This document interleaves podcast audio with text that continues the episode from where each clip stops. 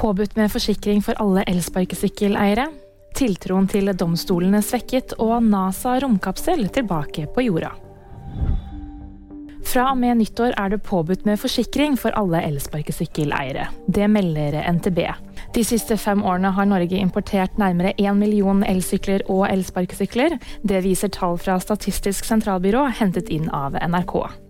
Statistikken viser også at antall ulykker har økt. Derfor har myndighetene besluttet å omklassifisere elsparkesykkel og lignende elektriske kjøretøy fra sykkel til liten elektrisk motorvogn.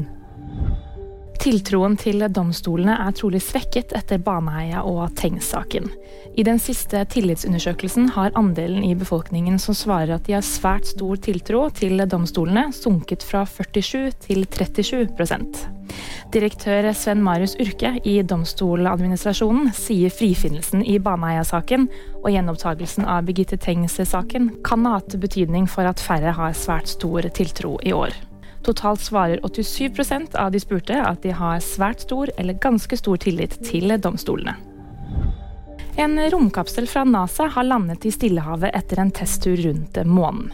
I bane rundt månen testet kapselen manøvrer som vil bli brukt under senere Artemis-oppskytninger, som skal bringe mennesker tilbake til månen for første gang siden 1970-tallet.